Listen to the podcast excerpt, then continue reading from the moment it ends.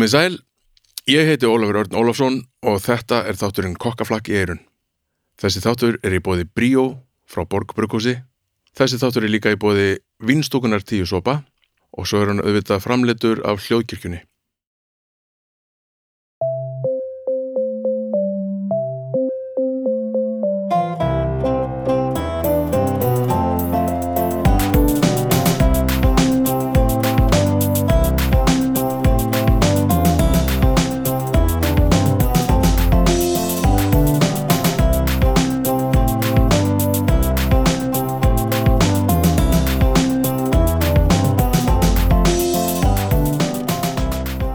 Góðan og blessaðan daginn og komiði nú öll svo sannarlega sæl og blessuð og velkomin í kokkaflakki eirun jólaútgáfu og gleðilega hátíð. Vona að allir hafi fengið einhvað gott að borða á jólunum, ég gerði það svo sannarlega, ég skal segja ykkur meiri síðan hvað ég fekk sko.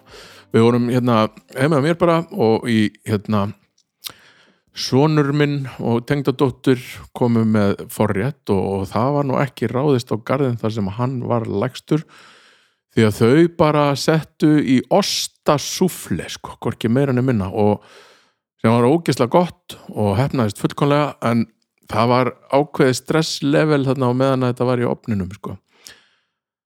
Við, hérna, já, við sátum og horfðum á opnin í þetta korter sem þetta bakast og bara eins og vorum að horfa á spennumynd sko. og svo kom þetta bara út og var æðislegt.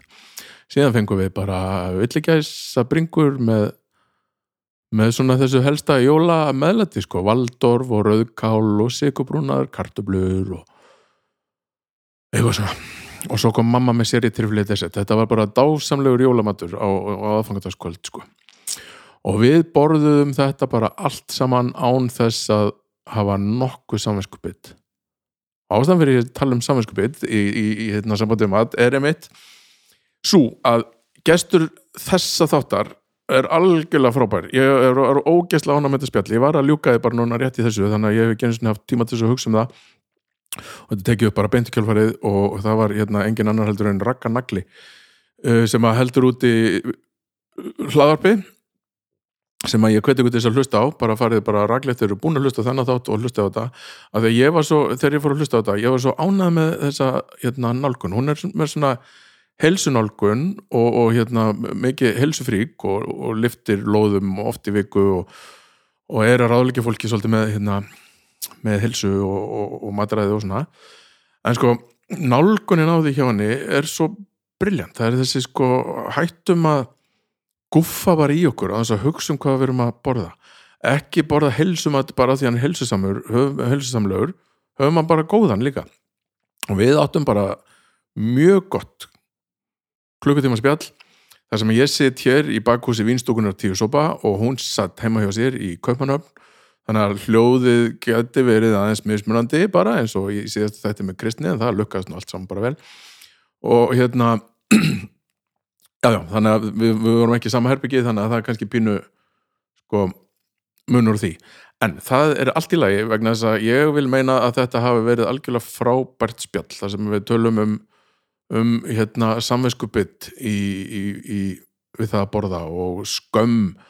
Og þurf, þarf alltaf að vera skömm þarf alltaf að vera einhvað, já það er að leifa mér aðeins og svona, við hérna, þurfum að eiga og hún líkti sko, líkti því sambandi sem maður á við mat við ástasambandi við manneski og það var sem ég er ótrúlega fallett og þetta kemur allt saman fram hérna miklu betur og eftir. Og í staðan fyrir að ég sé einhvað að segja ykkur frá því þá er bara miklu miklu betur að þið hlusti bara á þetta viðtal sem að ég átti við röggunagla rétt, rétt fyrir áramótin. Gjör þið svo vel, hér er það ég og röggunagli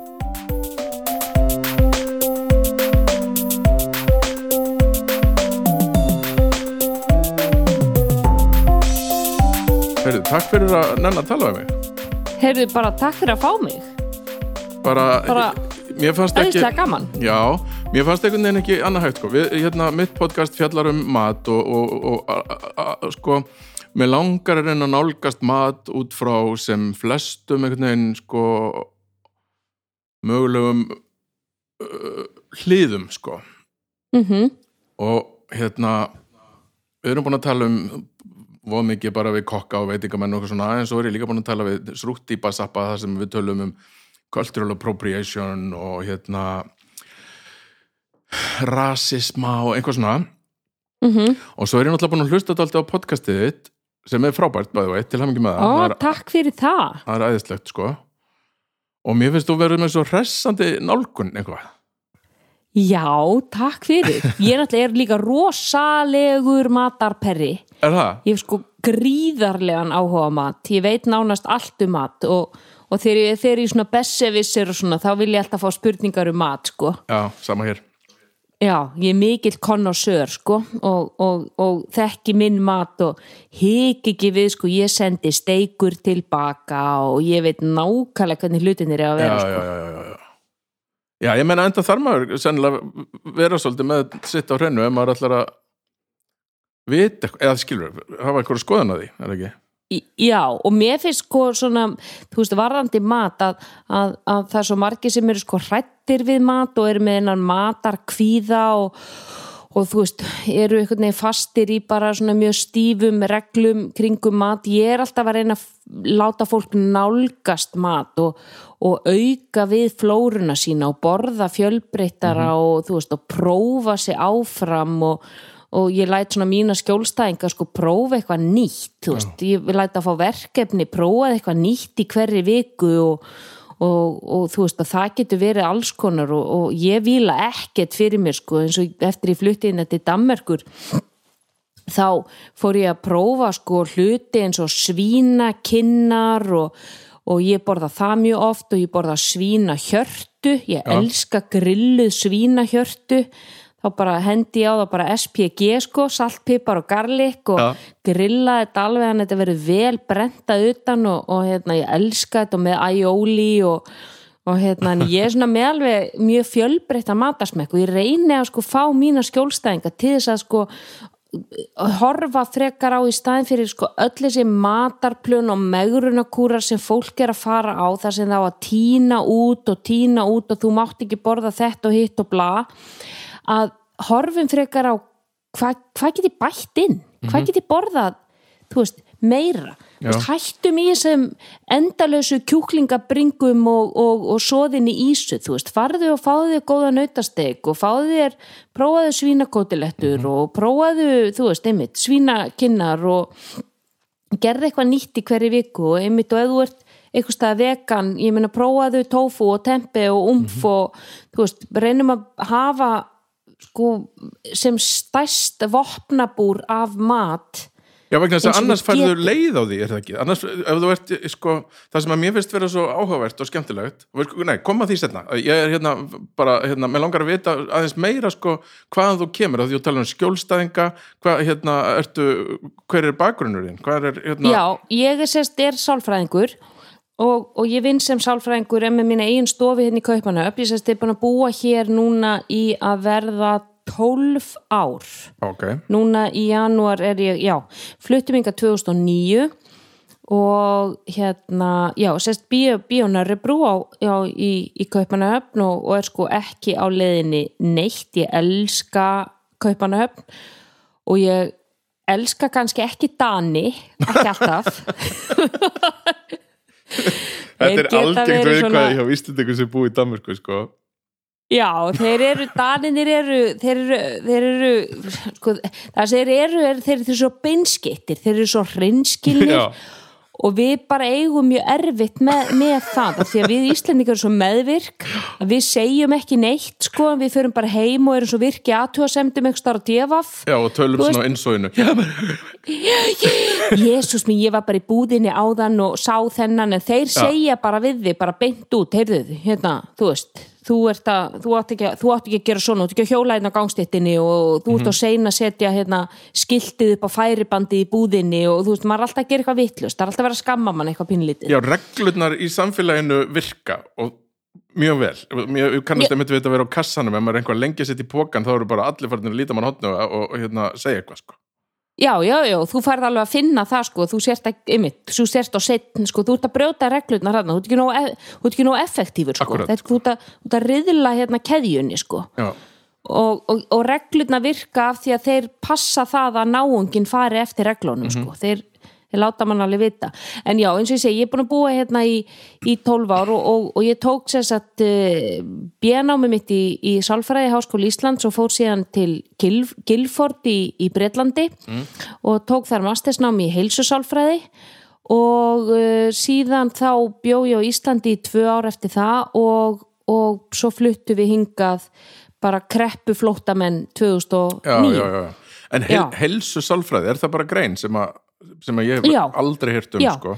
Nei, nei, eðlilega ekki, hún heitir sérst, Health Psychology og, og þeir ég heitlaðist mjög af henni svona síðasta árinu mínu í, í Háskóli Íslands þá tók ég henni valfægi og hérna eina fæði sem ég fekk tíu í það er kannski þessna sem ég er svona ána með það og, og, hérna og, og, og að því að þá var ég á þeim tíma var ég byrjuð svona æfa mikið og, og spá mikið í mataræði og, og þannig að þetta var svona alveg inn á minni ástriðu á þeim, þeim tíma og svo ég ákvað að fara og, og aðtjóða með nám erlendis og fann þarna skóla sem mjög hátt svona hátt rankaður og, og var sérst í, heiti University of Surrey og er í litlum eh, snobb bæ sem heitir Guilford og þar sem að allt bara deyr klukkan fimm og það er ekkert nefn einhverja kettlingar með litla einhverja púðluhunda í peysum að labba um, um götturnar þetta er svona ríka fólki sem býr þarna og býr, eða sérst, vinnur í London en getur svo búið þarna og allt sitt einbílshús og, og bíl. Já, Já, þetta eru svona commuters. Og já, þannig ég var, ég var þar í heilt ár, mjög skemmtilegt bjóð þar í húsi með, með fimm öðrum þetta var mjög svona skemmtilegu tími. Og þar byrjaði ég að blogga Já. og þetta er sérst árið 2005 já, 2005-06 já, og ég byrja þá að blogga sérst fyrir á mokkabloggi Sáluga sem að, og var með þetta með rakkanagli.blog.is og ætlaði nú aldrei að láta fólki mitt heima vita því hvað óbáslega spennandi hverstagurinn er hjá fátækum námsmanni í Breitlandi en komst fljótt að því að allir dagar voru náttúrulega nákvæmlega eins. Fór í búðina, fór í skólan þú veist, þetta var mjög þurrt og já, óspennandi frekar, já, leiðilegt blogg Þetta er eins og þegar ég byrjaði að halda dagbók þegar ég var tíu ára. Já, Vaknaði, fór í skólan, kom heim Já. Fór að sofa. Fór í boltaleik. Já, borðaði þessu sáðuna ísu. Já, þannig að ég ákvað einhvern veginn að breyta þessu bloggi í svona pislaskrif Já. um það sem að var mín ástræða og er enn sem er heilsutengt málefni.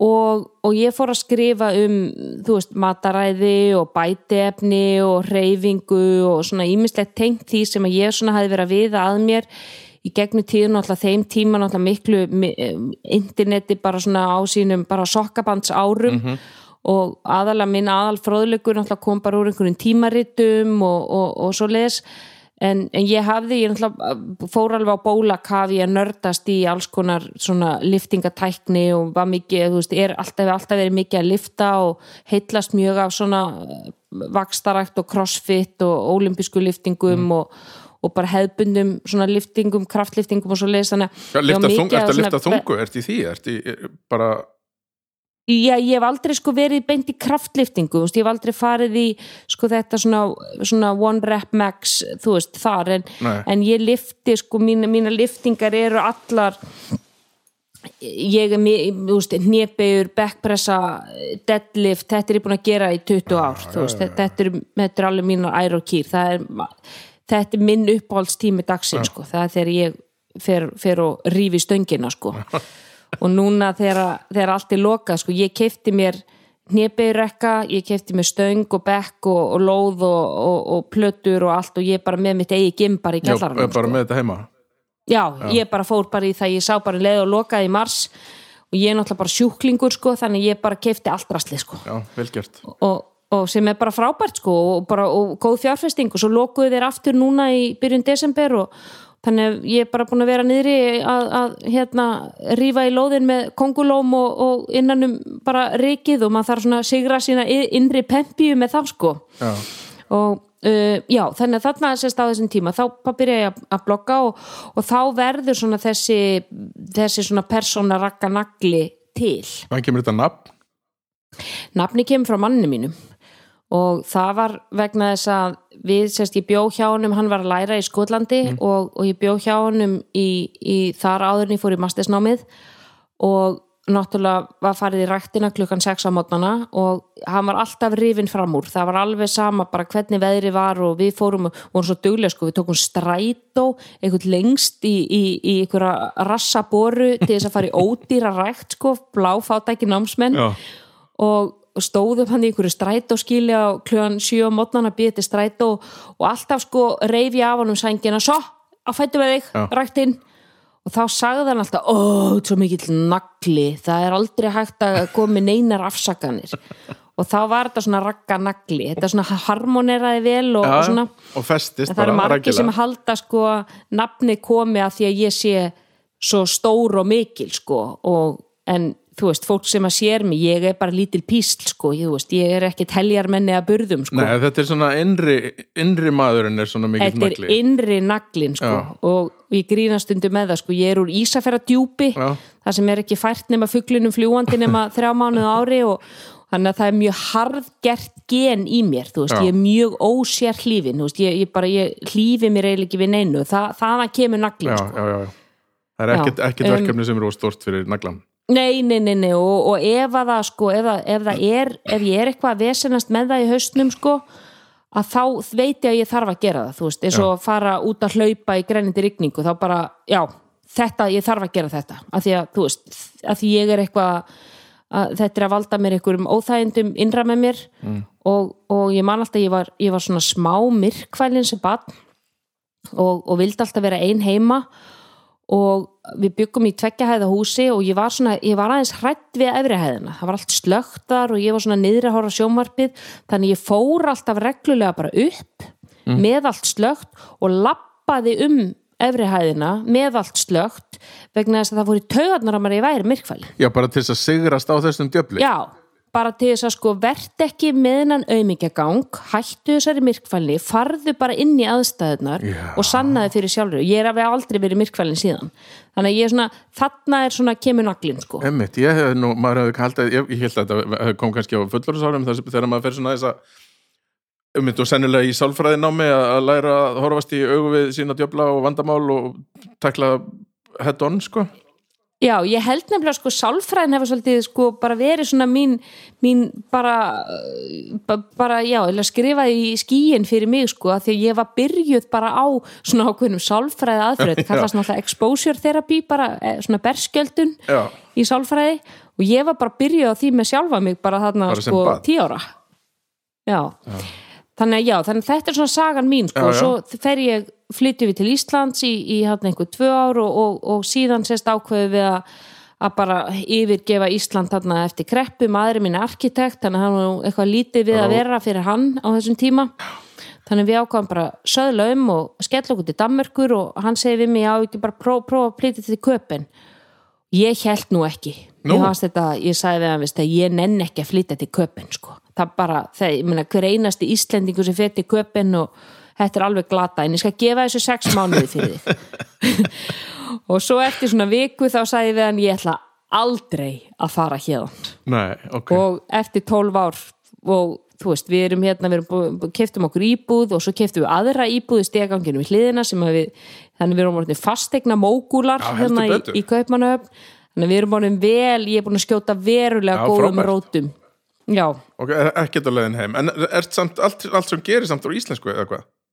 mm, já ég, ég er með sko stofuna minni hér og við með óbáslega marga Íslendinga sem búa náttúrulega í, í Kaupmannöfn og þeir finna þá vilja koma til sálfræðings og tala á sín eigin tungumáli. Já, skiljanlega kannski.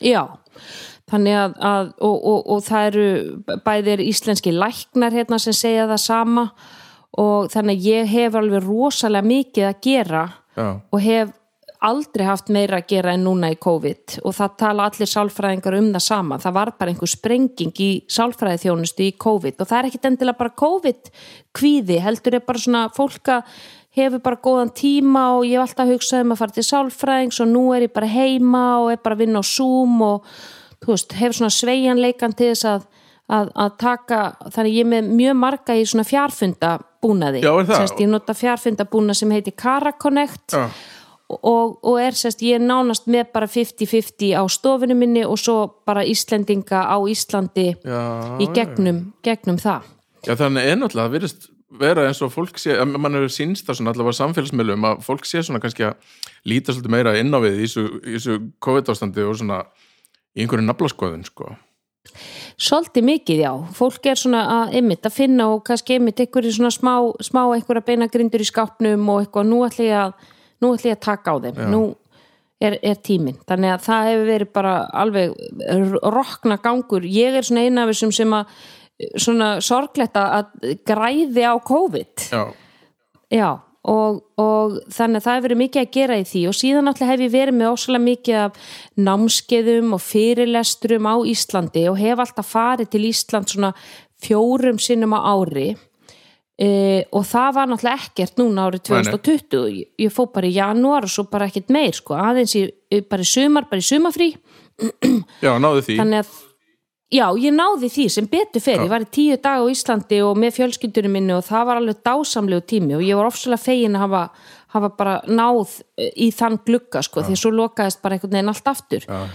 Þannig að þetta, já, hefur verið svolítið skríti, ég hef alltaf komið á heilsudagana hjá Netto og, og við að vinna þar og verið með kynningar og verið með mikið af, af svona fræðslu í kringum það, bæði fræðslu í kringum bætiefni, ég ætla að vinn fyrir ná návörurnar og þekki þær, þær eru svona appisunigular Já, já, hef unni með þeim í, hjá Ice Pharma sem flytja þær inn, er búin að vinna með þeim í mörg ár.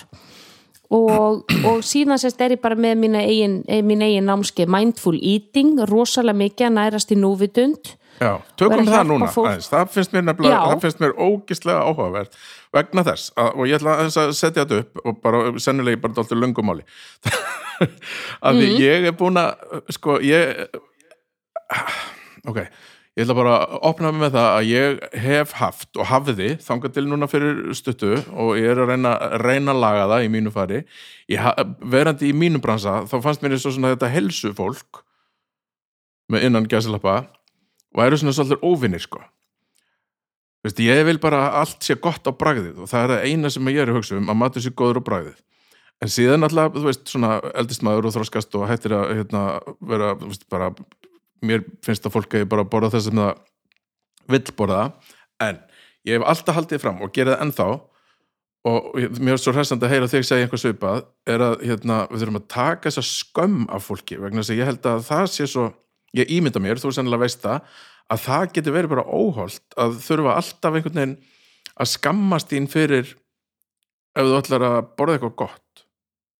Mm Þetta er hvað ég menna algjörlega, algjörlega. Og, og sko að nærast í núvitund snýst um það að máltíðin þín sé að skora hátt á fullnæðingaskalanum Já. og ég reyna að brína það fyrir mínu fólki, var þetta gott? Þú veist varstu bara að borða þetta af því að þetta er holdt, varstu bara að borða þetta af því að þetta hakar í eitthvað heilsuboks einhver staðar? Og ég get séð það og oft ég er hann svo sjóið í þessu ég get séð það til dæmis að skjólstæðingunum mínu sem að, sem að sko glíma við svona ofátt að þú veist þetta er svona ofátsköst inn á milli er það að mataræðið að dagana á undan hefur verið mjög einhæft mjög leiðinlegt, mjög bræðlaust og ekki máltíðir sem að hafa fullnægt þeim. Nei, akkurat, Þannig að að það er sko- eitthvað svo þú, Nei. þú ert að taka eitthvað, sem þú ert að breyta einhverju en það er alltaf eitthvað, eitthvað, eitthvað gæði og eitthvað, eitthvað svona hérna, bragð sem þú saknar algjörlega. Og, og sko mannveran og mannskeppnan er nautnaseggur. Já. við erum nautnaseggir öll. Já. mér er alveg sama hversu ræktaður þú ert og hversu fitt og flottur og mikið heilsugúru þú ert. Þú ert alltaf þinn innri nautnaseggur er mannlegur. Og við verðum að friðþæjan og fullnæjanum og við gerum það bara hver á, á okkar hátt, við erum öll með mismunandi bræðleika, við erum öll með mismunandi þarfir en það verður að sinna honum líka. Það er enginn sem að endist í því að geta einhverja ekkjakvítu omilettu alla æfi Nákvæmlega, nákvæmlega. Og, og, og það er það sem að sko fólk flaskar oft á að þetta ef að þú ætlar að fara í eitthvað átak eða þú ætlar að skafa af þér þá verður þetta að vera einhver nálgun sem þú getur haldið þig við. Já, ef að þeir finnst fisk, hvítur fiskur ekki góður þá, þá getur þú ekki borðað en ef að máltíðin er ekki að fullnæða þér þá er þetta ekki langtíma löst Nei, og mikilvægi þess að sko stöðu hækka máltíðina með því að bæta kannski einhverju pínlitli við hana. Hvernig get ég tekið þessa máltíð og gert hana meira gúrmei, hvernig get ég tekið hana og látið hana leika við mína bræðlöka þannig að ég sé gangi frá borði 100% ekki bara mettur heldur fullnaður á sálinni. Já, og minn innri matarperri sé að fá það sem hann vildi og þannig komum við í veg fyrir að við springum á limminu sko að því að, að, því að það að springa á limminu og, og taka eitthvað sko kast og, og borða yfir sig einhver staðar það gerist ekkit í ykkur tómarúmi. Það er yfirleitt afleiðing af því að þú ert búin að neyta þér um eða halda í við þig einhver staðar áður, það getur vel verið þetta, þú veist, það gerist eftir viku eða eftir þrjá daga eða morgun skilur já það er einhvað, það einhvað, einhvað sem þú einhvað sem þér finnst þú vanta af því að þú ert ekki að fá einhver gæði? Já, Já. það er alveg bara þannig. Já. og, og, og það, skal, það skal engin sko vera minnina skömm yfir því vegna þess að, að þetta gerist fyrir okkur öll. Og þá er bara að skoða ok, er ég bara kannski búin að vera að hlunnfara? Sko minn minn, minn innri ég búin að, er ég búin að vannrækja hann bara eins og einhvern gamlan kaktus í stofuglugganum skilur hann þarf sína næring og sína vökvun og sína aðtegli og það er miklu betra bæta pínlíti við mataræði ok, ég er hérna með eitthvað salat ok, ég er með spínat og gúrku, ok, er það spennandi? Nei, Nei.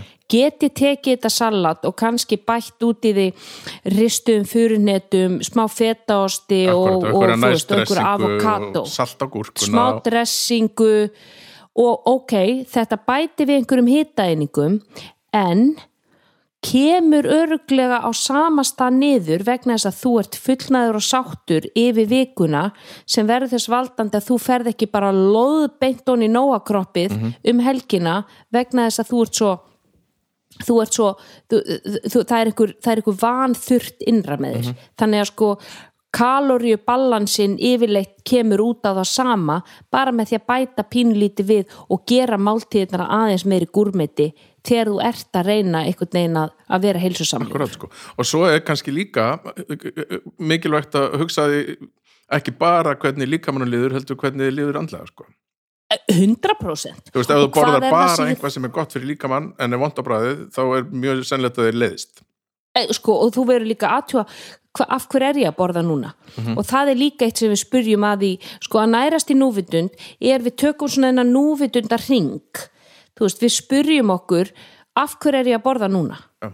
er ég að borða hungri eða er ég að borða af einhverjum öðrum ástæðum? Og við borðum að miljón öðrum ástæðum heldur en bara hungri. Já, við, borðum að tilfinningalegum ástæðum skilur, ég menna margir borða þeir eru pyrraðir, þú veist, það er rifist í makan, þá er þeirra svona coping mekanismi eins og við kallaði í sálfræðinni, eða svona þeirra bjargaráð, eru jafnvel að henda í sig einhverjum, þú veist, rífa upp lakrísreimarnar og fá þessar þrjár mínútur af einhverju dópamin framleiðslu sem að róa mig niður. En maður sér þetta líka í bíómyndum þegar fólk er í ástarsorg að fer alltaf að kaupir ís alltaf með ísinn, það er alveg klassiker já, situr í sófanum í einhverju náttbuxum með, með ísinn.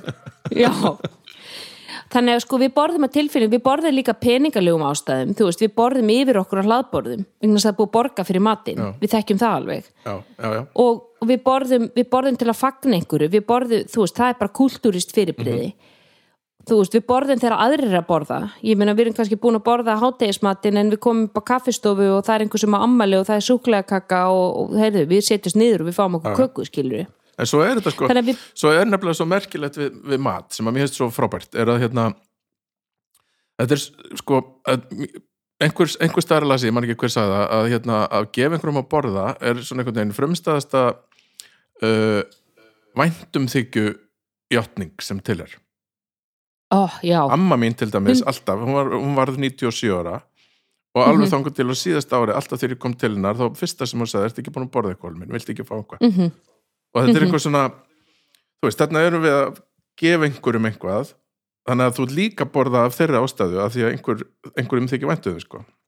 já, og hann er að sína þér umhyggju með því að gefa þér að borða, hann er að passa það að þínum grunnþörfum, frumþörf líkamanns sé öruglega Já. og, og þetta, þetta kemur náttúrulega mikið frá þessari gömlu kynnslóð þar sem að sko, ma maður gæti ekki komið í heimsókn nema að það væri, maður þyrfti að borða eitthvað. Og þetta sér maður til dæmis ítalskar ömmur eru bara frægar fyrir það, það er bara sko það er, það er forsfýta bara barnabötnin sín sko, riggaði felur hlaðborunum Já, og það er státa sig af því sko að, að, að það er elda börnin með sko gaffalinn og, og, og það finnum maður líka ég meina, mín, mín, mín fyrsta þegar ég var að byrja með mínu manni var auðvitað að ég bauð honum í mat.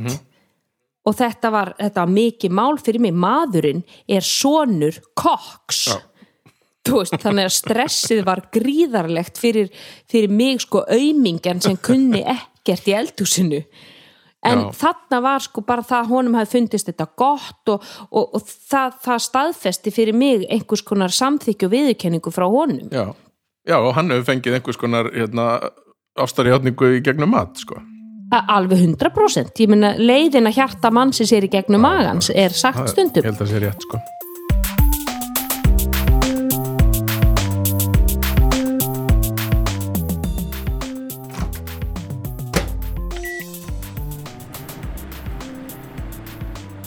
Smá um kostendur þáttana.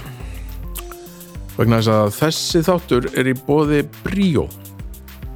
Og Bríó sko fyrir ykkur að vita er hérna bjór sem var þróaður á Ölstofinni og hann er hérna nefndur í höfuð og Stengrimi Eifjörð listamanni, listamanni sem hafði gælunafni Bríó. Og Stengrimi var fastagestur á Ölstofinni og hann tók þátt í þróunastarfi Bríó ásamt fjölmörgum öðrum fastagestum á drekkutíma Ölstofinu, Kormos og Skjaldar.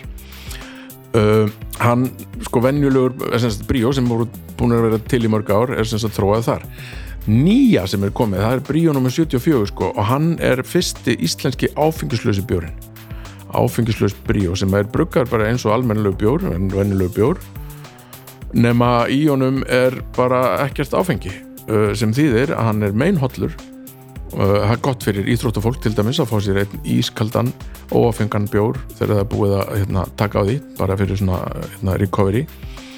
Uh, það eru fáa kaloríur það er ekki nema 69 kaloríur sem er miklu miklu minna heldur en í góðstós eða ávastasafa síðan getum við sagt frá því að Bríó áfengislaus var sendur óvart í hérna keppni, bjórkeppni og gerði sér lítið fyrir og vann hérna gullvæljun í alþjóðlegri bjórkeppni Brúski Awards. Ég, já, ég bara hérna, uppgötvaði alveg nýja hlið á mér þegar ég hérna, uppgötvaði þennan ófenga Bríó og, og bara á hann alltaf ískapnum hann er frábær.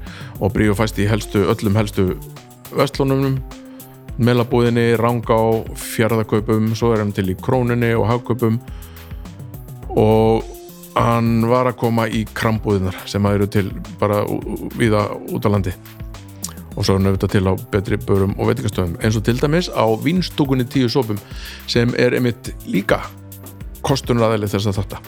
Uh, vinstúkan tíu sópar er hérna lítill cozy vinbar sem að full disclosure, ég er einn af þremur eigandum af við erum sem sagt vinbar og veitingastæður við erum búin til alls konar fínir í smat, svona, svona smárétti sem að henda vel með vínum. Við erum með vínseðil sem að er með 100 vínum á og flestir eru náttúruvín en þó er líka til alveg tölvöld mikið af svona því sem að myndi heita innan gesalappa hefðbundnari vín. Þannig að við getum fyrir alla og eigum auðvitað líka fullt af alls konar hérna óafengum drikkjum eins og, eins og til dæmis óafenga brí og við erum með næst kombucha og alls konar fyrir, fyrir þau sem ekki drekka vín. Þannig að það er alveg hægt að koma á vínstúkuna og fá sér að borða og fá sér drikk á þess að það þurfa endilega að vera áfengu drikkur sko. Síðan finnst mér nú eh, bara er mér bæði ljúft og skilt að taka fram og segja ykkur frá því að þessi þáttur er framleitur af hljóðkirkjunni sem að er hérna reglíf yfir sex framúrskanandi skemmtileg hlaðurp og ef þið hafi ekki hlustað á þau öll þá ættu við bara að drífa í því alveg hindi í kvelli uh, þau koma út alla virka daga. Eitt á dag nema á föstudöfum þá koma tvö á föstudöfum með besta platan. Og hérna skal ég segja ykkur uh, nei hættu nú alveg. Spurninga þáttur Villa Naglbíts. Á fymtudögum er þátturinn Snæbjörn talar við fólk.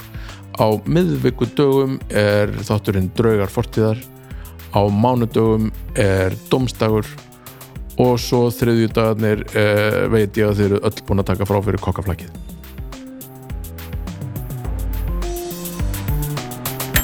En sko mindful eating og þá tala líka um það að það sé, sé að setjast niður og hugsa um bragðið og áferðina af því sem þú ert Já. að setja upp í. Já, og þá komum við að sko, þú veist, þessum núvitundar ring aftur sko, af hverju er ég að borða þú veist, hvað er ég að borða og hvernig er ég að borða matinn af disknum þannig að sko, hvað velja mér á diskinu við erum svolítið búin að fara í gegnum það. Þú veist, er ég að velja mér eitthvað sem mér finnst virkilega, virkilega, virkilega gott og þú veist, er, er hún að skora hátt á fullnæðingaskalanum? En hvernig er ég að borða matinn? Er ég bara að riðja honum í mig hérna á 0-1 og, og ekkert að spá í bragði eða áferð og, og allt það eða þú veist, er ég virkilega staldra við og njóta? Og þá komum við svolítið inn á það, það er það sem ég hef verið að kenna svolítið á námskeiðum. Ég hef haldið mjög skemmtileg námskeið á kaffi laugalæk Já. þar sem að sko ég hef verið með mat fyrst er ég með fyrirlestur um aðeins mindful eating og síðan kemur matur frá sko þessum snildar kokkum þar í, á kaffi laugalæk þá komaði með svona bökur sem þeir eru með og, og þá stendi yfir fólki og sko kenni þeim aðferðina. Því að bæði þegar við borðum mat og eins þegar við borðum salgætu og gotteri þá hugsa, verður að hugsa er ég að beita réttri aðferð Hver, á að borða? hver er aðferðin? Já, og aðferðin er sko eins og til dæmis þegar við erum að borða venjulegan mat. Já, bara svona í svo mándi Já, bara soðna ís á mánudegi eða sko kalkunin á gamláskvöld Ok. skilur skiptir ekki máli hvaða máltíða Nei, er. einmitt, já. við reynum að nota alltaf sömu aðferð og aðferðin er er ég, er ég að sko er ég að sleppa nýjapörunum er ég að borða með öllum skinnfærunum? Er ég að horfa á matin á disknum mínum? Þú veist, er ég að velta honum fyrir mér? Sko ég segi, við verðum að eiga í ástarsambandi við mat við þurfum að vera við þurfum að borða það sem við elskum og við þurfum að elska það sem við borðum og við þurfum að borða mat eins og við elskum mat. Og hvernig sínum við einhverjum ást og umhyggju? Við gerum það með því að veita honum athygli. Það er sko stærsta formið af ást er að veita einhverju athygli. Þannig ef að barni þitt kemur heim með teiknaða mynd úr leikskólanum og sýnir þér og þú bara rétt lítur á það svo ert þú bara að skrolla í símanu já, skal minna aðeinslega mynd, já, flott hjá þér. Mm já, ok. Það er ekki að sína barninu ást. Nei.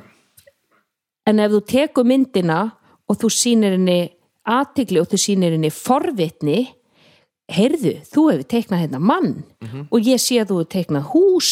Af hverju teiknaður húsið? Af hverju er húsið blátt? Af hverju er maðurinn með pípuhatt þú spyrð út í það þið langar að vita meira. Sama með þegar við erum í ástasambandi með mannesku, við viljum vera með henni sem lengst. Við viljum, við viljum hlusta á hana við viljum heyra hvað hún segir við viljum horfa á hana, við viljum finna lyktin af henni og við viljum veita henni aðtigli og við viljum vita meira um hana, hvaðan kemur hún? Þú veist, hva, við viljum vera forvitin. Þannig ef að við erum í ástarsambandi við mat, ef við erum í heilbrigðu sambandi við mat þá erum við, þá erum við alltaf að, að, að, að sko vera eins og, eins og við séum í ástarsambandi með mannesku Þetta er ógeðslega góð samlíking sko. Ég hef svo sem verandi í mínum bransa hérna, átt í miklu ástasambandi við mat, en þá kemur spurningin sko, hvenar ertu áttu í of miklu og hvað, hvað, þú veist, hvernig dílar við það? Ef að þú ert í of hvað heitir það, hvernig heldur samlíkingin áfram?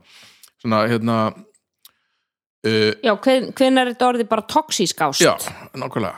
Já, já, sko ef að við erum sko, ef að við erum í heilbriðu sambandi við mat og erum í heilbriðu ástasambandi þá erum við líka borða matinn út frá þessum prinsipum. Mm.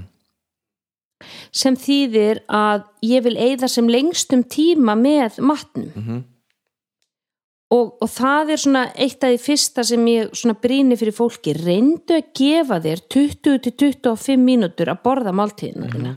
Sko meðal maðurinn er í 11 mínútur að, að, að tróða þessu onni sig. Já, ok, það, hefur bara verið mælt. Og já, þetta er sérst bara rannsóknir sína það að meðaltali er, er bara nútíma maður í vestræðinu samfélagi 11 mínútur að, að borða mat. Guffísi já, og við gúfum í okkur. Sko, kallmenn eru fljótari og, og ég meni ég hef séð menn sko borða matið sinn á sko 5 mínútum. Já,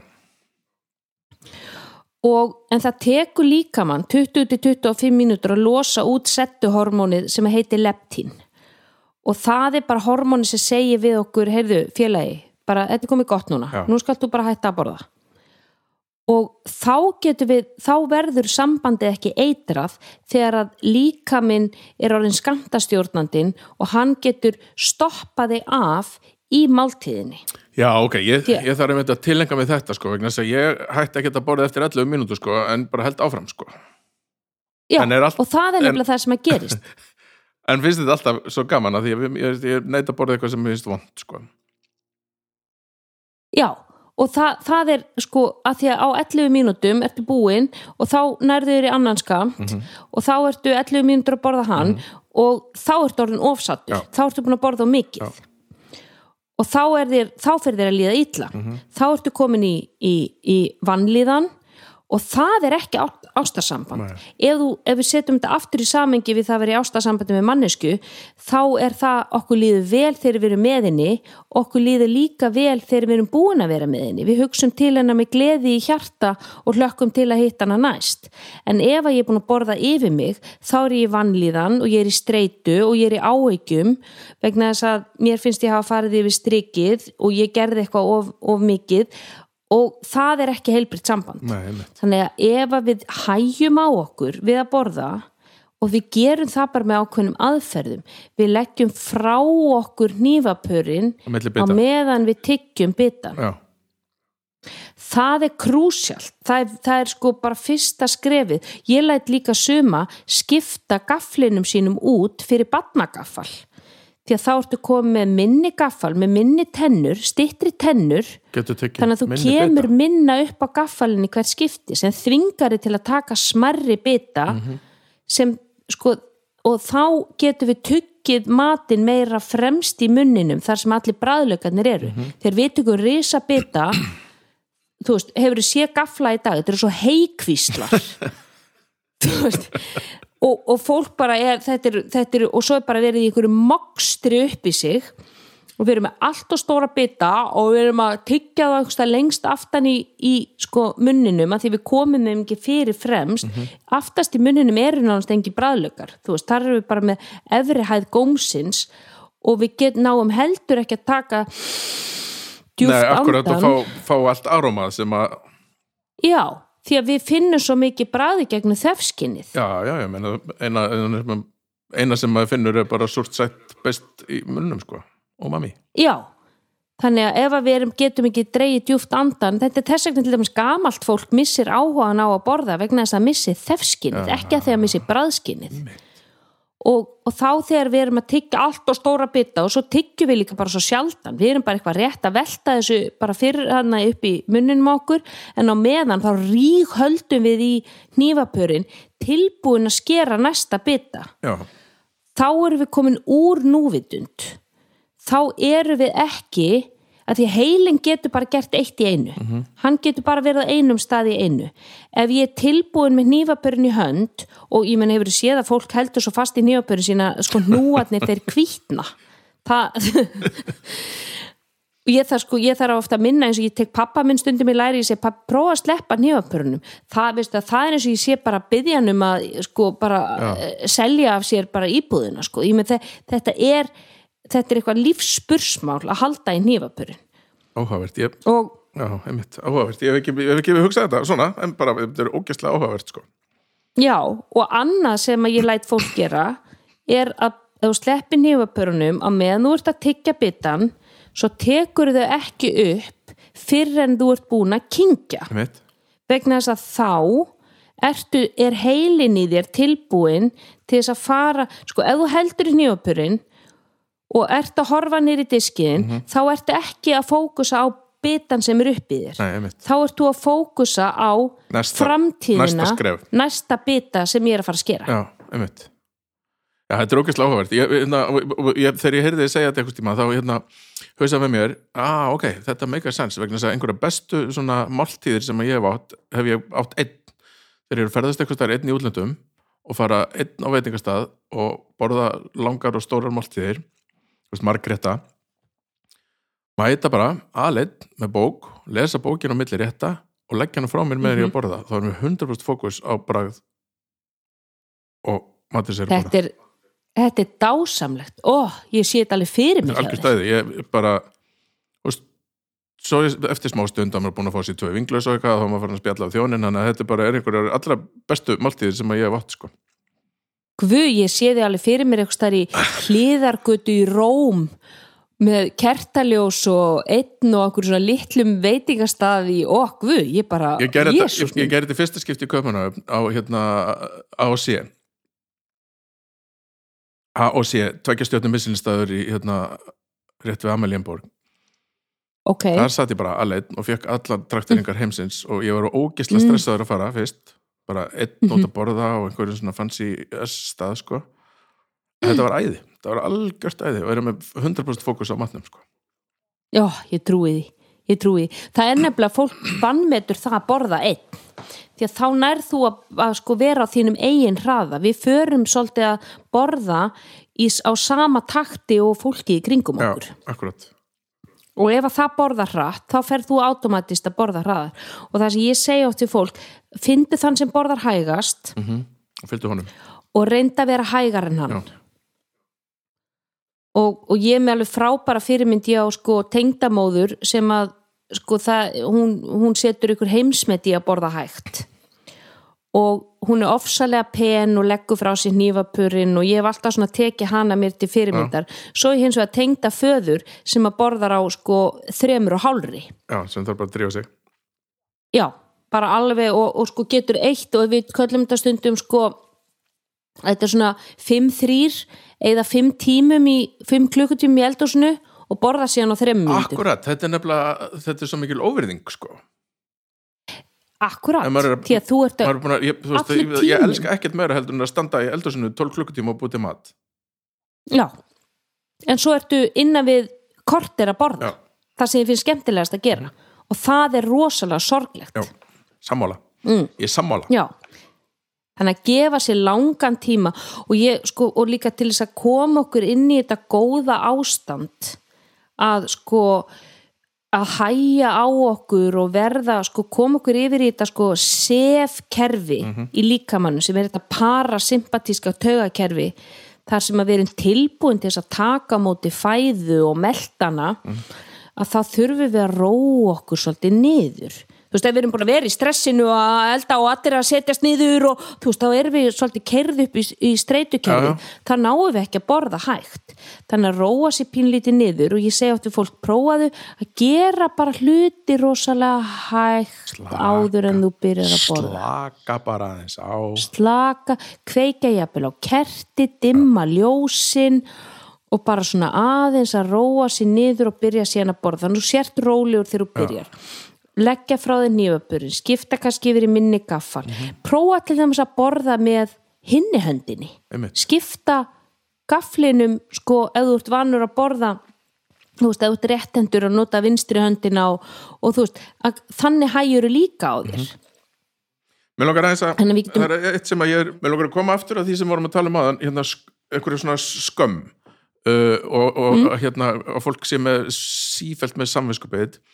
Uh, þegar ég fór að segja konunum minni að ég var að fara að tala við þig, þá, hérna, þá sagði hún, já, frábært og, og það er svo margt skemmtilegt sem hún er að gera og það, það er þetta líka með, með að, hérna, að fólk sé ekki sífælt með nagandi samvinskupið yfir því sem er að borða og það hefur komið svolítið frá þér. og þá hún mig á að við vorum einu sinni á Side í New York og sátum þar á einhverju kaffhúsi og þar voru allar fínu konurnar sem eru búin að fara í lítaðagerðir með púðluhundana sína í, í Burberry jökkurum eitthvað. Og þá sagði hún þessar konur hafa aldrei orðið sattar já, og þetta setur svo í mér og tölum við um þetta eitthvað svolítið lengur og, og hérna það er þessi sko og ég, hún sagði að þetta verið sérstaklega á meðal kvenna að megi aldrei leifa sér neitt og allt, Mhm. all, sko það er svo mikið af hérna lingóinu í kringum þetta, þú veist kringum svona er einhvern veginn að Mhm. já, maður má nú aðeins leifa sér bara hérna, Mhm. ég, na, ég ætla nú bara að fá mér heilt salat í dag, maður má nú aðeins og það er þessi já, sko lifa lífinu já, þú ert alltaf einhvern veginn sko, þú ert alltaf í einhverju skuld mm af því að þú að, ég ætti nú ekki að fá mér þetta en ég ætla nú samt að gera þannig að þú gerir það alltaf með óbræði munnunum veginn og, Mhm. og skammast þín hálpartinn fyrir að hafa fengið súkulegköku mm Mhm. með, með fullri virðingu fyrir hérna einhverju frábærasta kökufyrirtæki í bænum sem heitir Sætar Sindir það segir bara allt sko. Mhm. mm Já, algjörlega og það, er, er orðræðan sem við notum sko lingóið sem við notum eins og segir það, það spilar rosalega stóra rullu og það er sko við erum að sjá sko guilt, guilt free chocolate Já. eða þú veist eitthvað sko hérna sæ, sæ, einmitt, eins og þú segir, sætar syndir eða hvað er þitt guilty pleasure Já. og hvað er, er, er hérna þú veist, vertu shutdown samviskubits og Já. Uh, þú veist, þarf ekki vera með samviskubit yfir að borða þetta og hitt. Já, en það er alltaf spilað inn á samviskupiti það er, það er, hérna, Í- það er það sem að mér finnst svo erfitt sko, þegar það er alltaf spilað inn á það ef þú gerir þetta, þá þarftu nú aldrei að fara að horfa stjófið sjálfu eða vegna þetta er ekki gott hjá þér sko. nei og það verður líka sko ákveðin, það er líka ákveðin kúltúr í svona, það sem að kalla svona uppbætingarhegðun. þú veist, það, þá kemur sko til dæmis um, um páska. Ok, þú ert hérna þú áttar þig á því að ef þú farið páskaegnum með tvö þá þarf að gera þú veist, 300 burpees og, og hlaupa í 20 myndi til að brenna því af. Og, og það er svona skilabóð þar sem við erum líka sko, við erum alltaf að við erum alltaf að bæta við erum alltaf að refsa okkur fyrir að hafa sko left nöytninni að ráða. Einmitt. þannig að sko nöytnin er synd og þú átt að þarft að sko ganga í gegnum einhver refsi, þú átt að taka fram refsivöndin og, og, og, og þyrnikórónuna eftir það.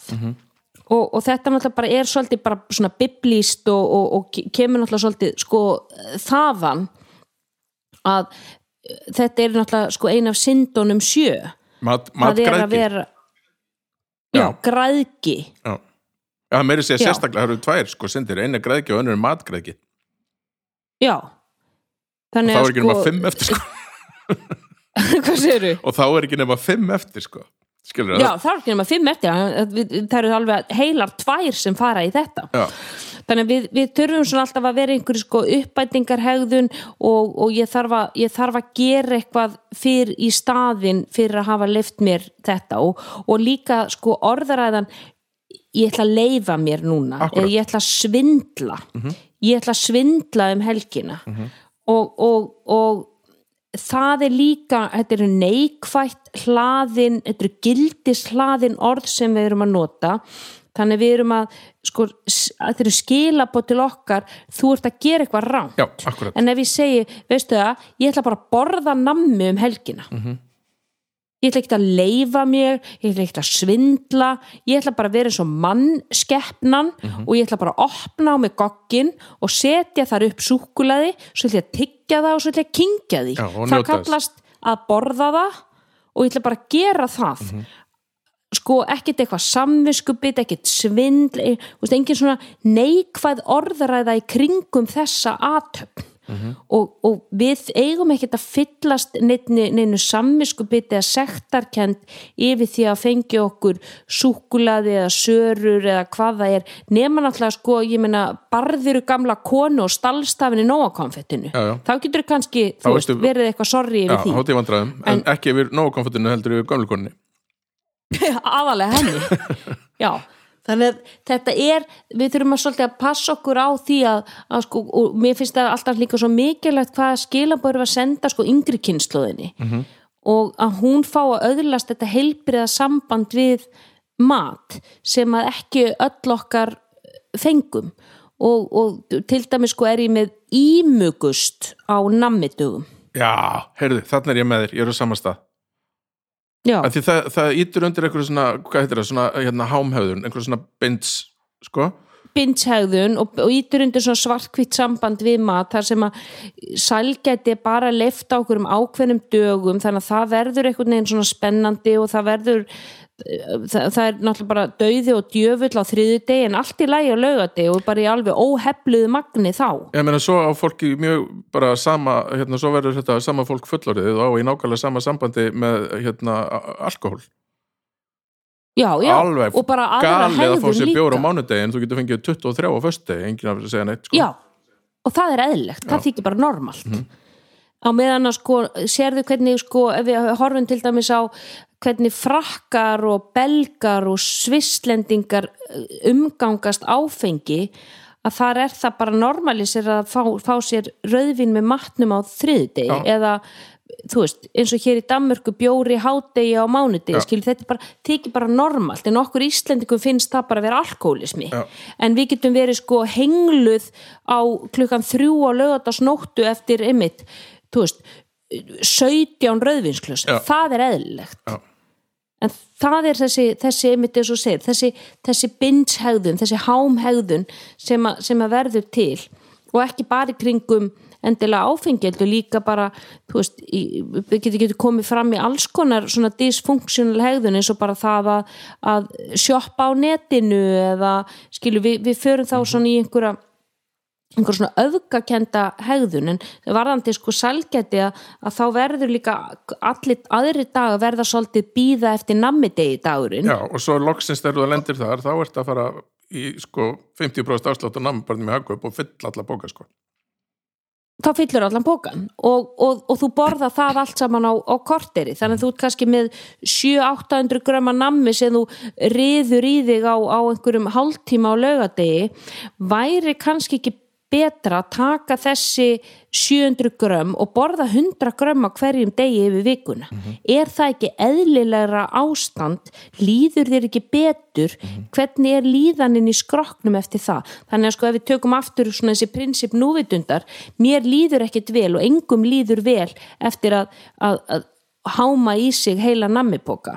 Þannig að sko kenna börnum það að sko við viljum bara okkur líði vel og þú ert ekki að skrá neitt bragð, neina upplifun, neina sko áferð inn í harðadrifið þegar þú ert komin á sko 31. mólan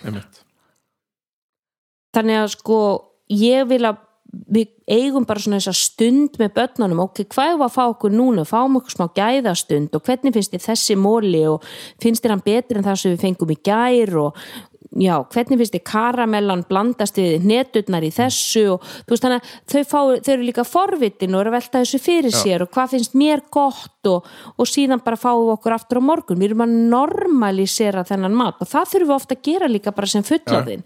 Og ég ger það með mínu skjólstæðingum. Ég lætu eiga sína gæða stund til að normalisera það að þú getur fengið þess algjört á þriði það er allt í lagi, líka með þeim veit ekkit hvað dagur er á dagatalinu. Nei, nákvæmlega En mér finnst þetta, mér finnst þetta, ég elska þessi nálgun vegna þess að það er bara, hefur verið og því miður og er ennþá víða í, í svona þegar er talað um talað um að borða heilsusamlega að þá er fólki bara búið upp á einhvað sem er ekki gott að bræði Já, og fólk er einhvern veginn að þræla sér í gegnum eitthvað sem að þau finnst ekkit gaman sko. mhm, mhm mista svona uh, sem betur fyrir vera að breytast aðeins með það komið svo aukin flóra í svona veitingahúsa bransan sérstaklega á Íslandi með svona heilsusamlega kosti eins og safran, uh, hanin, þú veist það eru og alls konar salatstaðir sem að sko bjóða upp á verulega ljúffengt heilsufæði Svo er annað sem að, hérna, ég er- veit ekki hvort að þú er pælt í, sem ég hef svolítið pælt í, það er hérna, hvernig, uh, og jú, þetta tengist allt, nei, þetta hangi saman, það er hérna, hvernig konur eru miklu uppteknari af heilsumat heldur en kallar. Ef að, við, ef að ég og kona mín förum saman út að borða og hún panta sér steik og ég panta mér salat, þá er alltaf komið að borðinu með salati til hennar og steikinn til mín. Já. og þetta er eitthvað svo sko, er, er þetta eitthvað sem þú hefur rannsakað, eða pælt í, eitthvað svona hérna kynjamunur á, Já, það er náttúrulega vegna þess að sko við erum útlitsmiðaðri já, og, og það eru bara útlitsleg skilaboð beinast frekar að konum og það er meiri pressa á þeim að vera í ákveðnu útliti og það er, það er bara minna samþygt að kona sé í yfirþyngd heldur en kallmaður og, og, og þess vegna eru við einhvern veginn alltaf á bremsinu og alltaf að passa okkur og, og erum alltaf í þessu salati og, og, og eðlilega sko, kemur þjóttnin með salati og heldur að sé konan vegna þessi 99% tilfella er það, já, já, er það það þannig hjá sko. í hans afgreðslu og, og, og ég held að þar sé bara við konur erum uppteknari vegna þess að matur er bara sama sem merki við hvernig, hvernig útlitið er oft á tíðum samanber söngu konarnar í New York. Já, og ég meni ég lendi oft í þessu sko, því að ég, þegar ég fer á veitingastæð þá panta ég mér, sko minn uppáhaldsmatur er ribbæ, ribbæ steik medium rare kartabla sveppir helst brokkoli að það er á matselinum aioli og sko og svo verði ég að fá salat líka þannig að ég er mér kannski fjóra, fimm rétti sem ég er að panta og, og ég fæ mjög oft sko aðtjóðsemt frá þjónunum þetta er á mikið. Já. ég hef alveg fengið, fengið það oftar en eins og oftar en tvisar og, og, og sko matalistin hjá mér er, hún rýður ekki við einteiming sko, það, þar kemur er- þetta, er, þetta er sjórin sko, þarna niðri í, í, ég get tekið endalust við. En svo þarf maður náttúrulega, ef maður er, maður er hérna, í mikil, mikil, mikil reyfingu þá þarf maður mættilega að næra hana Já og, það, og matalistin verður mjög mikil. Ég, ég hef alltaf verið með mikla matalist bara alveg frá því ég var barn og síðan bara náttúrulega er ég í mikillir hreyfingu og ég er með mikinn vöðvamassa þannig ég er, ég er með mikla matalist og þarf, ég er með mikla orku þörf en þá fæ ég þessa aðtjóðasemt, að þetta er alltaf mikið. Og ég velti því oft fyrir mér myndiru segja þetta við kallmann Nei. ég er ekki svo viss um Nei, það. nei, ég held ekki sko. Nei, þannig og ég, ég man alltaf að ég fór á, á veitingahús í Orhús og við erum að tapas veitingastað og, og, og hérna, og ég byrja að panta og, og náttúrulega, þú veist, eins og tapa svona litli réttir Ja. og ég panta, þú veist, alls konar spjót og eitthvað grammiti og eitthvað, og ég komin upp í eitthvað átta tapasrétti og maðurinn byrja bara að svitna sko, hann bara, eh, hérna segir, veistu að þetta er er þetta allt bara fyrir þig? Já, já, já, já. Og hann segir hérna, statt upp. Má ég sjá þig og ég stend upp og þá hérna segir hann já, þér veitur nú svo sem ekkert af þessu. Og já, Já, og þarna sko, og ég sé alltaf eftir ég hafi ekki svarað honum en ég, hann hefði aldrei gert þetta við kall ekki séns. Aldrei. Ekki séns. Nei, þannig að það er líka ímsi svona, svona aðtjóðasemdir sem að konur fá. Já, þú veist, varðandi það ef þær eru að panta sko ofmikinn mat Mhm. eða eru með mikla matalist Já þetta er sko kulturist eitthvað að- setja, setja inn einhverja skömm sko. Já, Það er, það er eh, akkurat þarna, einhver skömm. Já. opaslega ætlar að borða mikið, hvers konar Já. matsvín ert þú? Já, það kemur líka skömmin yfir því að vera að borða mikið. Já. og það er líka marga konur sem að þær eru alltaf að þær stíga á bremsuna þegar þær fara að borða og við köllum þetta svona þetta er svona social sumir eru, eru sko social eaters og sumir eru private eaters veist, hvernig haga ég mér í markmenni Já, já, og er ég að borða mikið í laumi? Er ég að borða, borða mikið einn? Er mín hámhegðun mikið í laumi og einn? Það er- og er ég síðan ofsalega penn og fínn á þegar ég er með öðru fólki? Já, á þess að ég hef Og- mikla hugmynd og- um það þá hljómar það nú eins og einhver svona áhættu hefðun sko.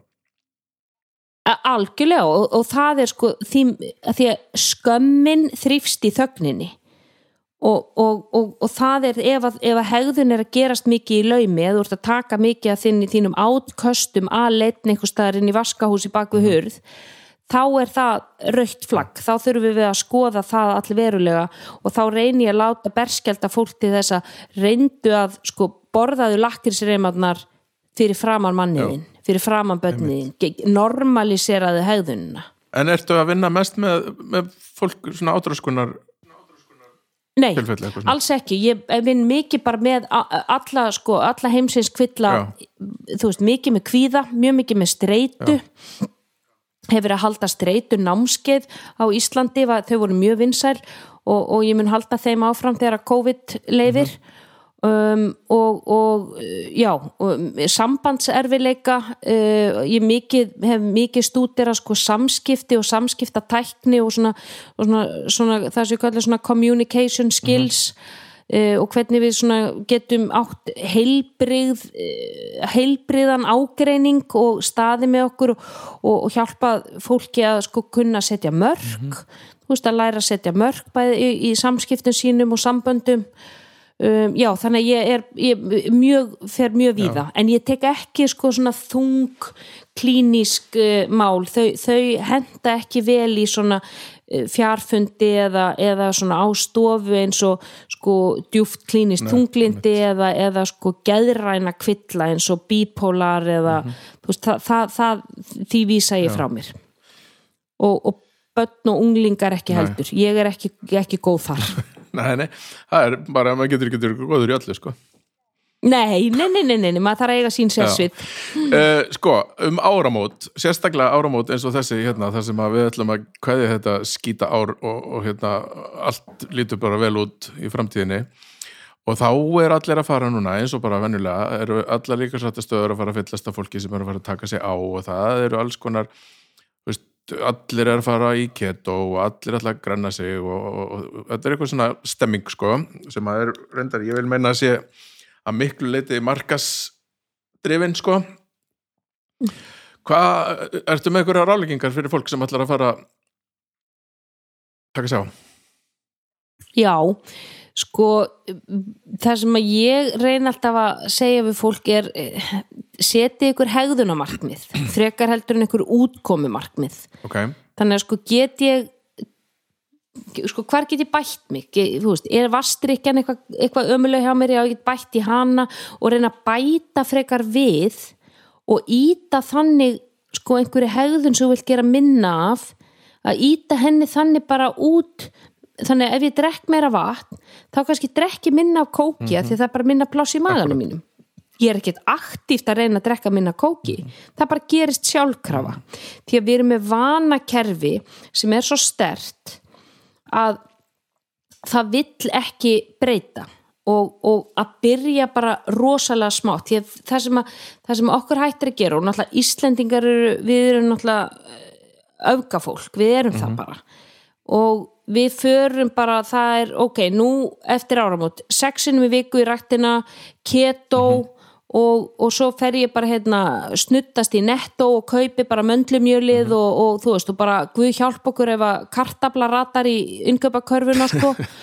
Og þú veist, það, þetta verður svo öfgakent að tökum þetta bara, tökum aðeins nýja nálgun á þetta. Og gerum þetta, ok, hvað ert að fara oft í ræktina? Ekkert, null, ekkert, ok.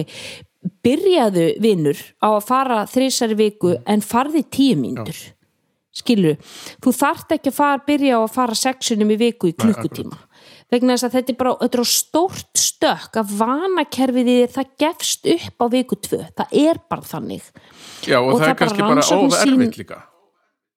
Þetta er bara of erfitt þú, þú verður undirlaður að hasperum þú verður þreyttur líka meðin höndlar þetta bara illa og ég menn eftir því sem er eldumst líka það verður bara recovery tekur bara miklu lengri tíma í líkamannu þú getur ekkert farið svona alltaf ólinn og, og það líka bara er ekkert gott fyrir sjálfsmyndina að ætla sér eitthvað ókleift fjall og falla síðan á markmiðunum ár eftir ár eftir ár og þá kemur alltaf þessi innri orðræða þessi, þessi sjálfsmynd ég er lúsir, Já. ég get ekki ég nægis Já, ekki þú veist Erstu með einhver áramóta haut? Nei, nei, mér tekst aldrei að halda þau er, er, veist, Nei, svona, nei, já. ég nenn ekki þetta, þú veist, þetta þýðir ekki Nei, neitt, sko. Ég grennist aldrei, ég með losna aldrei við bumbuna.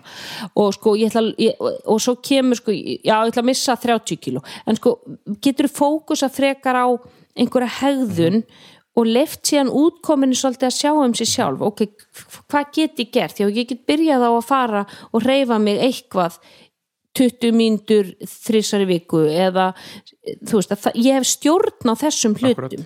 Ég, en ég hef ekki stjórn á því hvort ég missi endilega 30 kíló hérna fyrir páskafríið eða veist. Og svo er kannski líka bara allt í lagi að vera með smá bumbu ef maður er bara hraustur sko. Og svo er það það líka við verum að horfa að þeir sem eru grannir þeir eru sko alls ekkit endilega hraustasta fólkið. Og það fólk sem við sjáum og sem við sko, þeir sem er svona þessi ímynd treysti sem er ykkur alveg hel tálkaður skrokkur sem er ekki með sko fytu, ekki fytu atóm utan á sér. Þetta er oft fólk sem er bæði í óheilbriðu sambandi við mat, óheilbriðu sambandi við æfingar jafnvel konur búin að missa út blæðingar, menn með testosteronið sko niður í bara uh, klósettinu kynkvötinni farin ánægjan af, af sko því að æfa er, er, er ekki til staðar þeim er alltaf kalt, þeir sofa illa þú veist það er svo margi faktorar og svo bara hvað er að gerast líka inn í maskinunni, þú veist hvað er að gerast með efnaskiptarhraðin og beinheilsuna og hvernig er tannheilsan þín og endalust, en við sjáum bara eitthvað skrokk og við hugsum, hei, svona er Já, hrist þetta er atlas. Þetta, þetta er sko Adonis sem ég ætla að ná. já. En Ado, Adonis líður oft ekki vel Hann er bara ekki í góðum málu Mm.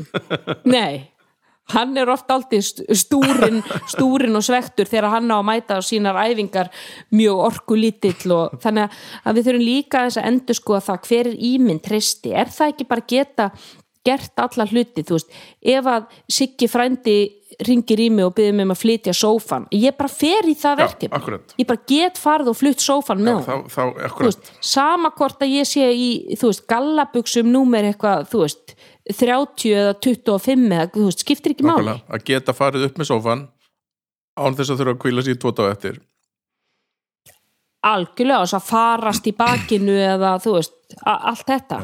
Og geta farið út með batnabötnunum og dreigið þau á snjóþóttu og þú veist, hlaupið upp á esjustein með, með vinkoninni í saumaklúbunum, skilur þetta er reisti. Þetta er heilbriði já, já. Mér finnst þetta frábær hérna, skilabóð inn í árið 2021 sem að verður að vera betra heldur en árið 2020 ég meina verð getur það orðið bara annus ekki- horri ekki bílis jinxa þetta, sko. Nei, nei.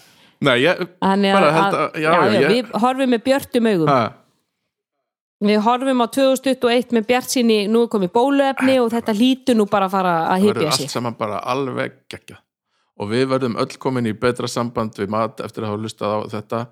Og ég hveit alla til þess að hlusta á, á hlaðvarpið, það er bara er frábært.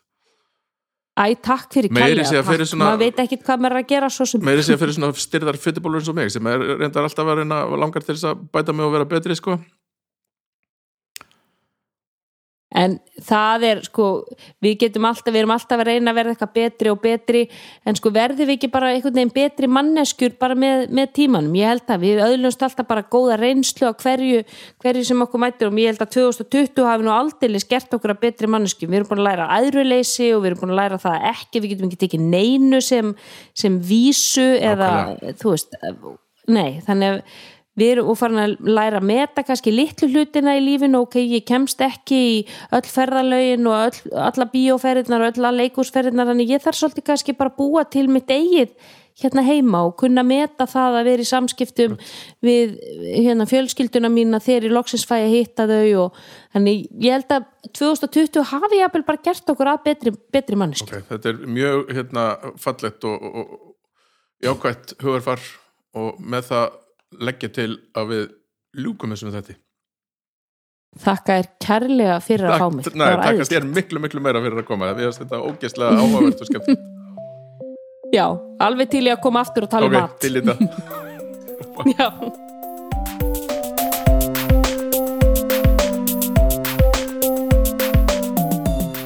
Hanna nú, segi ég nú bara og ég vona að ykkur hafa fundist þetta jafn ógæslega áhugavert eins og mér. Og ég ætla að fara að tilenga mér bara mikið af þessu. Ég, þú veist, ég hef nú reyndar átt í svona miklu veist, ég hef alltaf velt fyrir mig bræði en það er kannski svona professional eitthvað, með, þú veist, það er bara partur af minni vinnu er er að velta fyrir mig bræði bara mat, bæða mat og víni og áferð og eitthvað. En ég þarf að temja mér það að borða hægar. Ég, og hérna hugsa betur um það hvernig ég set mat onni mig það er ekki vandamáli ég sé að setja onni mig mat sem er ekki góður á bræðið það bara, ég geri það ekki. Þannig að hérna, vandamálið er miklu frekar sko mitt samband við mat er að ég borða hann bara of rætt og of mikið og hætt of sent en það er bara, þannig að maður þarf að laða. Já, já. Maður getur alltaf bætt sér eitthvað. En sko, þetta er síðasti þátturinn af kokkaflaki eirun á árinu 2020 eins og komið hefur fram og þá er nú aldeilis við hæfi að líta um öxl og, þakka öllum sem að hafa lagt hönd á plóg sponsorum eins og, eins og Fastus og Ægir Brugghús og Omnom og Bríó auðvitað og Vinstugan tíu sopar sem eru ennþá sponsorar og ég er bara ævinlega þakkláttur fyrir það. Uh, mér langar líka bara að þakka bara, ég er hálf meir hérna að taka þetta upp. Ég, mér langar líka bara að þakka ykkur öllum öllum sem að hérna, hlusta og gera okkur kleift að gera þetta vegna þess að ég myndi bara vera að tala út í tómið ef að þau verið ekki alltaf að senda mér ykkur jákvæð skilabóð og, og bara alls konar skilabóð þannig að bara ég segi að 2020 farið hefur fyrir betra það má bara fara og fokka sér og við ætlum að taka 2021 sem einhvers konar svona hamingju ár þar sem við hugsum öll um hvernig við borðum, hvað við borðum og borðum bræðgott og með það segi ég gleðilegt nýtt ár. Takk fyrir mig í byli